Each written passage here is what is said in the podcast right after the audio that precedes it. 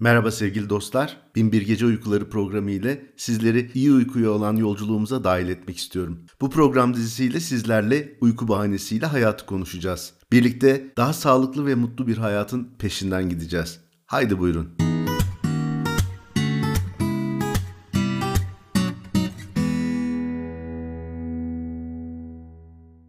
Merhabalar sevgili dostlar. Hayat üzerine kendimle yaptığım toplantının ikinci bölümüne hoş geldiniz. Tesadüfen bu bölüme düştüyseniz rica ediyorum öncelikle ilk bölümü dinleyiniz. Bir devam bölümü bu çünkü. İlk bölümde sizi ve kendimi koca koca sorulara muhatap ettim. Ne sorular sormuştuk? Mesela bu hayatta hangi yolu nasıl seçmeli demiştik. Tabii hayatta biz mi yolları seçiyoruz, yollar mı bizi seçiyor? Yani kader mi, irade mi demiştik. Gitmeli mi kalmalı mı anlam giderek mi bulunur kalarak mı bulunur yoksa içimize mi dönmeli demiştik. Daha önemlisi bir anlamı var mı ya bu hayatın hakikaten demiştik. Yoksa sadece bahçemize ekip biçmeye mi geldik? Taş mı yuvarlamaya geldik tepeye doğru Sisyphos gibi. Tabii sizleri ilk bölümde kör bir kuyuya indirdim farkındayım ama sözde verdim. Burada merdivensiz ışıksız bırakmayacağım sizi diye merdivenle beraber geldim yanınıza. İlk bölümde hayatın bir ırmak gibi her an değişken olduğunu, dünün bugünle aynı olmadığını, olamayacağını konuşmuştuk. Hatta demiştik ki aynı suda iki kere yıkanılmaz değil, yıkanılamaz. Çünkü ne su sudur eskisi gibi ne de sen sensindir dünkü gibi. Madem ki her an değişen bir dünyada, her an değişen bir ben olarak varım, her anda yeniden anlam yaratmak zorundayım bu vicdansız dünyada. Peki ben bu anlamı nasıl bulabilirim? Nereden bulabilirim? Bulsam da her an değişen bir şeyi nasıl tanıyabilirim? Değil mi? Bunlar teorik olarak çok önemli sorular olarak karşımıza çıkıyor. Pratikte neler oluyor? Gelin beraber logoterapi isminde bir terapi yöntemini oluşturan psikolog Viktor Frankl'a gidelim buradan. Hatta 2. Dünya Savaşı'na, geçmişe hatta bir Nazi toplama kampına kadar, Auschwitz'e kadar savrulalım. Frankl 15 milyon adet basılan İnsanın Anlam Arayışı kitabında bu insanlığın dibe vurduğu kampı, kamp ortamını çok güzel bir şekilde anlatıyor. Ve kendisinin oraya nasıl bir itibarlı bir psikolog olarak girip orada çırılçıplak bedeni dışında hiçbir şey olmayan bir tutukluya dönüştüğünü de çok güzel bir şekilde derli toplu bir şekilde anlatıyor. Kendisi gibi bu hayatta hayalleri, hedefleri, maddi manevi varlıkları olan bir sürü insanın her şeylerini kaybetme karşısındaki travmalarını anlatıyor. Ve çok muhteşem bir tespitte bulunuyor. Diyor ki her şeyini kaybeden bir insanın elinde tek bir şey kalıyor. O da olaylar karşısında nasıl bir tavır takınacağına dair özgürlüğü. Yani düşünün toplama kampındasınız. Sağ çıkma olasılığınız 29'da bir. Etrafınızda sürekli zulüm var, işkence var, ölüm var. O Polonya soğuğunun açlık ve hastalıkların pençesindesiniz. Arkadaşlarınız, orada tanıştığınız, tutunduğunuz insanlar, sevdikleriniz sürekli gaz odalarında infaz ediliyor, sonra da fırınlarda yakılıyor. Frankl diyor ki de, kendi deneyimine dayanarak, İnsan özgür iradesi işte bu şartlar altında bile nasıl bir tavır takınacağını belirleyebiliyor. Yani diyor ki kader size böyle bir şey getirebiliyor. Yapabilecek hiçbir şeyiniz yok. Eliniz kolunuz fi- fiilen bağlı. Tutuklusunuz yani daha ötesi yok. Ama bu şartlar altında bile özgür iradeniz kendi tavrınızı belirlemeye yarıyor. Yani o kampta kimi işbirlikçi bir kapı olup çıkıyor. Kendi yol, e, yoldaşlarına zulmetmeyi seçiyor. Kimi pes edip elektrikli tellere doğru koşmayı seçiyor. Kimi koy vermeyi, kimi ise hayata tutunmayı, günlük bir dilim ekmek e, istikakını da başkalarıyla paylaşmayı, bütün bu şartlar altında bile iyi bir insan olarak direnmeyi seçiyor. Hatta diyor ki işte bu şartlar altında bile kimi durup gün batımındaki kızıl rengi seyredip dünya ne kadar güzel bir yer diye mırıldanabiliyor. Hayatta kalanların işte o şartlar altında varoluşuna bir anlam yükleyebilenler olduğunu anlatıyor Frankl. Sonraları logoterapi olarak isimlendirdiği yani anlam terapisi olarak e, isimlendirdiği okulunda insanın hayatında birçok kez anlamı yeniden bulmak zorunda kalabileceğini söylüyor. Yani şartlar bizi tekrar tekrar anlam aramaya itebilir. Buna karşılık da belli yollar, yordamlar öneriyor Frankl. Mesela diyor, mesela bir eser bırakmak diyor. Yani bir iş başarmaya çalışmak, ulvi bir amacı gerçekleştirmeye çalışmak, bazen bir ömrü, bazen de uzun yılları anlamlandıran bir uğraş olabilir diyor. Şimdi kendime döndüğüm zaman mesela benim için çalıştığım şirketler ve işlerde yaratmaya çalıştığım değişim, dönüşüm tutunacak bir dal oldu, bir anlam oldu yıllarca, yıllardır. Bilen biliyor, yatsana da tutkulu bir aşkla bağlıyım doğrusu. Mesela bu şirkette ilk 3-4 yılımız çok krizli, çok sıkıntılı geçti. Yani orada kusursuz bir fırtınada gemiyi karaya ulaştırmaya çalışan bir kaptan gibi teknesine bağlıydım doğrusunu isterseniz. Ve yani hani batarsa ben de onunla birlikte batayım, batacağım kadar bağlıydım yani. Bulduğum anlam buydu herhalde o zaman. Sonrasında karaya ulaşınca tabii bu anlamı yeniden belirlemek gerekti. O noktada işte şirketin yatak şirketinden uyku konusunda lider bir şirkete evrimine, dünya çapında bir liderlik hikayesine tutunduk hep beraber arkadaşlarımla beraber. Yani dünya bir ülkeye ömrünü adayan devlet adamlarına mesela bir sürü ev sahipliği yapmıştır. Ee, en büyükleri tabii bizim Atatürk'ümüzdür mesela. Atatürk'ümüzün hikayesidir. Bir buluşa on yıllarını adayan bilim adamlarına, e, bir sanat eserine yıllarını veren sanatçılara ev sahipliği yapar dünya. Bunlar hep işte bir işe, bir uğraşıya, bir esere tutunmanın, burada bir anlam bulmanın hikayeleri aslında. Başka ne diyor? Tabii ki sevgide bir anlam vardır diyor. Çok güzel ifade ediyor. Diyor ki bir insanı kişiliğinin en derinindeki çekirdeğinden kavramanın tek yolu sevgidir. Sevmediği sürece kimse başka bir insanın özünün tam olarak farkına varamaz diyor. Sevgi ile karşıdaki insanın potansiyelinin farkına varır, bu potansiyelleri gerçekleştirmesini sağlarız diyor. Aşk diyor yani. Yani insan aşk için katlanabilir bu dünyaya diyor. İnsan aşk için her şeye katlanabilir diyor. Mevlana'nın dediğini diyor yani. Yerden yere vurmak, yardan yare tutulmak değildir aşk. Yer yerinden oynasa dahi yari yürekteki yerinde oynatmamaktır aşk diyor. Ya da Dostoyevski'nin dediğini diyor. Sevmek güzel birinde aşkı aramak değil. O kişide bilmediğin bir zamanın beklenmedik bir anında kendini bulmaktır diyor. Dostoyevski'den iyi mi bileceğiz? Meşhur Anna ile olan aşkı hikayeleri konu olmuştur. Anna kitap yazmıştır Dostoyevski için. Anna'nınki de büyük aşktır bakın. Çünkü Dostoyevski çok kolay bir adam değildi. Kumar bağımlılığıyla işte karakteriyle çok kolay bir insan değildi. Onların dediğine itibar etmemiz lazım. Şimdi aşk sevgi çok önemli bir anlam kaynağıdır dedik.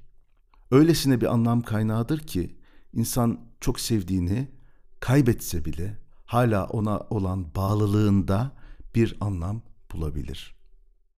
Ve Frankl bunu aslında dönüyor toplama kampındaki deneyimleriyle de ifade ediyor. Diyor ki orada sevdiğini kaybetmiş fiziksel olarak gerçekten bulamayarak kaybetmiş veya e, bu hayattan gittiği için kaybetmiş insanlar sevgilerine tutundular. O sevgilerinde o kişilere olan bağlılıklarında bir anlam e, buldular ve onunla hayatta kalmaya çalıştılar diye anlatıyor Frankl. Şimdi sevgi kolay, anlamak kolay yani sevgideki anlamı. Ama başka bir şey söylüyor Frankl acıda da anlam bulabiliriz diyor. Yani toplama kampı örneğinde olduğu gibi kaçınılmaz acıya karşı bir tavır geliştirerek de anlam bulmak mümkün olabilir. Yani acı karşısında takınılacak tavır, acıyla baş etme yöntemi de anlamın kendisini oluşturabilir. Büyük bir badireyi atlatmanın haklı gururu anlamın kendisi olabilir. Yani buradan da kurtulacağız gibi. Tabi burada kastedilen acıdan zevk almak mazoşist bir tavır değil ama kaçınılmaz bir acı veya bir kötülük, bir zorluk karşısında insanın nasıl tepki vereceğini seçebilme özgürlüğüdür. Tabi Tanrım kimseyi de bununla sınamasın. Yine Mevlana'nın dediği gibi kalbin bir gün seni sevgiliye götürecek. Ruhun bir gün seni sevgiliye taşıyacak. Sakın acında kaybolma. Bil ki çektiğin acı bir gün dermanın olacak. Tabi burada kastedilen sevgili biraz daha ulvi, biraz daha ruhani bir sevgi ve sevgidi. Tanrısal bir sevgi. Tabi Frankl burada da kalmıyor. Diyor ki bir insan için artık ölüm kaçınılmazsa bu ölümü nasıl karşılayacağı bile bir anlam teşkil edebilir. Hem onun için hem de başkaları için. Yani bu şimdi size biraz uçlarda bir söylem gibi gelebilir. Haklısınız. Yani ölüm varken artık ne de, ne konuşuyoruz ki? Neyin anlamını veyahut da e, ne gerek var yani bunu konuşmak diyebiliriz. Eğer öyle düşünüyorsanız lütfen Profesör Randy Pausch'un e, Carnegie Mellon Üniversitesi'ndeki son dersini dinleyin. Linki unutmazsam bırakayım açıklamalara. Kendisi bu dersi 47 yaşında pankreas kanserinden ölmeden hemen önce verdi. Bu insanın ölümü karşılama şekli diğer bir sürü insana ilham kaynağı oldu, kitaplara konu oldu. Mutlaka bunu da dinleyin derim bir gün. Şimdi tabii artık sonlara gelirken sorulardan ziyade cevaplara odaklanıyoruz dedik. Yani bir insan nasıl yaşamalı konusundaki en çok danışılacak insan herhalde ölmek üzere olan başka bir insandır diye düşünüyorum. Palyatif bakım hemşiresi olan Bronnie Ware de bunu yapmış. E, kendisi hayatına sonuna gelmiş e, insanlara destek veren bir klinikte, ölümcül hastaların kliniğinde bunlarla yaptığı mülakatları dokümante etmiş. Ve onlara pişmanlıklarını sormuş. Yani e, en çok neyden pişmansınız diye basit bir soru sormuş aslında bu hayatta. Yani pişmanlık benim çok sevdiğim bir duygu değildir. Geçmişe dönüp pişman olmak yerine ileri bakıp oradan öğreneceğimizi öğrenelim. Bu hataları tekrarlamayalım, yürüyelim diye hep düşünürüm. E, hayata devam edelim derim. Ama tabii hayatın sonuna geldiğinizde artık da yürünecek bir yol kalmadığında pişmanlık belki de kaçınılmaz oluyor. Şimdi beş tane pişmanlık cümlesini özetlemiş, orada toparlamış. Bir, keşke kendime e, kendime göre doğru olan hayatı yaşayacak cesaretim olsaydı benden yaşamam beklenen hayatı değil. Bu aslında en yaygın pişmanlıkmış. İnsanlar artık sona geldiklerinde bakıyorlar hayallerinin yarısını bile gerçekleştirememişler ve bunu yapamamalarının en büyük sebebi kendi tercihleri, e, korkuları, cesaret gösteremeyişleri. Yani sağlıkları varken yapabilecekleri seçimleri yapmayıp artık sağlıklarını kaybettiklerinde veya çok geç olduğunda bununla ilgili pişmanlık yaşıyorlar.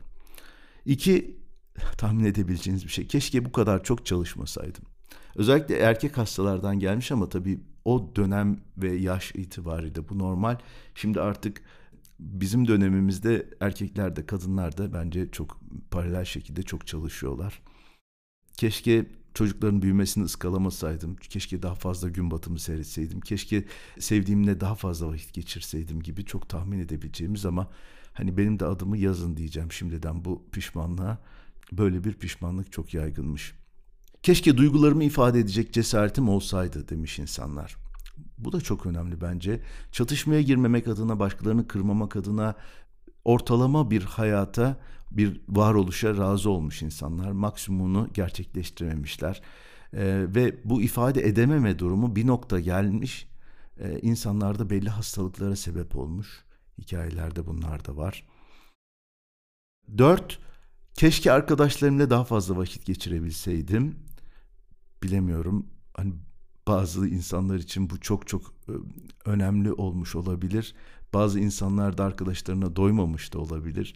Yani e, bir ikizler burcu insanı daha fazla ne kadar arkadaşlarıyla vakit geçirmeli bilmem mesela Burak'cığım. E, velhasıl önemli bir nokta şu insanlar ölürken en çok arkadaşlarını özlemişler. Keşke mutlu olmama daha fazla müsaade etseydim. Sürpriz derecede ortak bir pişmanlıkmış bu. Çünkü insanlar aslında mutluluğun içeriden geldiğini, mutluluğun bir tercih olduğunu yaşarken fark edemiyorlar. Bunu söylesek bile fark edemiyoruz. Ee, ve eski alışkanlıklara takılıp kalıyorlar. Değişimden korktukları için korkuları sebebiyle kendilerini mutluluğa sevk edebilecek tercihleri yapamıyorlar. Bunun sonucu olarak da aynı mutsuz çevrimlerin içerisinde kaybolup gidebiliyorlar. Özetleyecek olursam keşke kendime göre doğru olan hayatı yaşayacak cesaretim olsaydı benden yaşamam beklenen hayatı değil. Keşke bu kadar çok çalışmasaydım. Keşke duygularımı ifade edecek cesaretim olsaydı. Keşke arkadaşlarımla daha fazla vakit geçirebilseydim. Keşke mutlu olmama daha fazla müsaade etseydim. Evet sevgili dostlar, yaşamdaki anlam arayışımızı konuştuk, pişmanlıkları konuştuk. Ee, bitmedik ama bitmeye çok az kaldık. Epey ağır mevzuları konuştuk. Ben aslında bir kör kuyu benzetmesini boşuna da yapmadım. Pek çok inanç sisteminde bir mağarada veya işte bir kuyuda e, işte karanlık uzak bir yerde bir inziva metaforu vardır kendini bulabilmek için. Demek ki arada böyle şeyler yapmak gerekiyor. Hazır ortam uygunken size hayati bir itirafta da bulunayım. Çünkü yine söz vermiştim ilk bölümde dibine vuralım konuların diye. Bu podcastleri dinleyen bir abim dedi ki güzel anlatıyorsun da tam olarak nasıl bir pazarlama faydası oluyor bunun dedi. Tabii hemen ona dedim ki ben bunu kendim için kaydediyorum. Bir günce gibi düşünebilirsin. Patronlara da pazarlama yapıyoruz diyorum. E, size de tabii sizin için diyorum ne diyeceğim. İtiraf ediyorum. Doğrusu e, bu kayıtları ben kendi çocuklarım ve belki onların çocukları için yapıyorum. Yani bir gün ihtiyaçları olabilir hayatta bunlara diye e, veyahut da babalarını daha iyi anlarlar belki ileride diye düşünüyorum. Neyse gelin geleneği bozmayalım. Nazım Hikmet'i ne çok sevdiğim biliniyor. Yaşam üzerine yazılmış en güzel edebi eserlerden biriyle bir şiirle veda edelim. Yaşamaya dair diyelim. Şöyle demiş. Yaşamak şakaya gelmez. Büyük bir ciddiyetle yaşayacaksın. Bir sincap gibi mesela. Yani yaşamanın dışında ve ötesinde hiçbir şey beklemeden. Yani bütün işin gücün yaşamak olacak. Yaşamayı ciddiye alacaksın. Yani o derecede ve öylesine ki mesela kolların bağlı arkadan sırtın duvarda yahut kocaman gözlüklerin beyaz gömleğinle bir laboratuvarda.'' İnsanlar için ölebileceksin. Hem de yüzünü bile görmediğin insanlar için. Hem de hiç kimse seni buna zorlamamışken. Hem de en güzel, en gerçek şeyin yaşamak olduğunu bildiğin halde. Yani öylesine ciddiye alacaksın ki yaşamayı, yetmişinde bile mesela zeytin dikeceksin. Hem de öyle çocuklara falan kalır diye değil, ölmekten korktuğun halde ölüme inanmadığın için. Yaşamak yani ağır bastığından. Diyelim ki ağır ameliyatlık hastayız. Yani beyaz masadan bir daha kalkmamak ihtimali de var. Duymamak mümkün değilse de biraz erken gitmenin kederini biz yine de güleceğiz anlatılan Bektaşi fıkrasına Hava yağmurlu mu diye bakacağız pencereden. Yahut da sabırsızlıkla bekleyeceğiz en son ajans haberlerini. Diyelim ki dövüşülmeye değer bir şeyler için diyelim ki cephedeyiz. Daha orada ilk hücumda daha o gün yüzü koyun kapaklanıp ölmek de mümkün. Tuhaf bir hınçla bileceğiz bunu. Fakat yine de çıldırasıya merak edeceğiz. Belki yıllarca sürecek olan savaşın sonunu. Diyelim ki hapisteyiz. Yaşımız da 50'ye yakın. Daha da 18 sene olsun açılmasına demir kapının. Yine de dışarıyla birlikte yaşayacağız. İnsanları, hayvanları, kavgası ve rüzgarıyla. Yani duvarın ardındaki dışarıyla. Yani nasıl ve nerede olursak olalım hiç ölünmeyecek gibi yaşanacak. Bu dünya soğuyacak. Yıldızların arasında bir yıldız hem de en ufacıklarından. Mavi kadifede bir yaldız zerresi yani. Yani şu koskocaman dünyamız. Bu dünya soğuyacak günün birinde. Hatta bir buz yığını veyahut ölü bir bulut gibi de değil. Boş bir ceviz gibi yuvarlanacak zifir karanlıkta uçsuz bucaksız. Şimdiden çekilecek acısı bunun, duyulacak mahzunluğu şimdiden, böylesine sevilecek bu dünya, yaşadım diyebilmen için. Evet sevgili dostlar, iyi uyku perisi yaşam boyu bizimle olsun, sevgiyle aşkla kalın.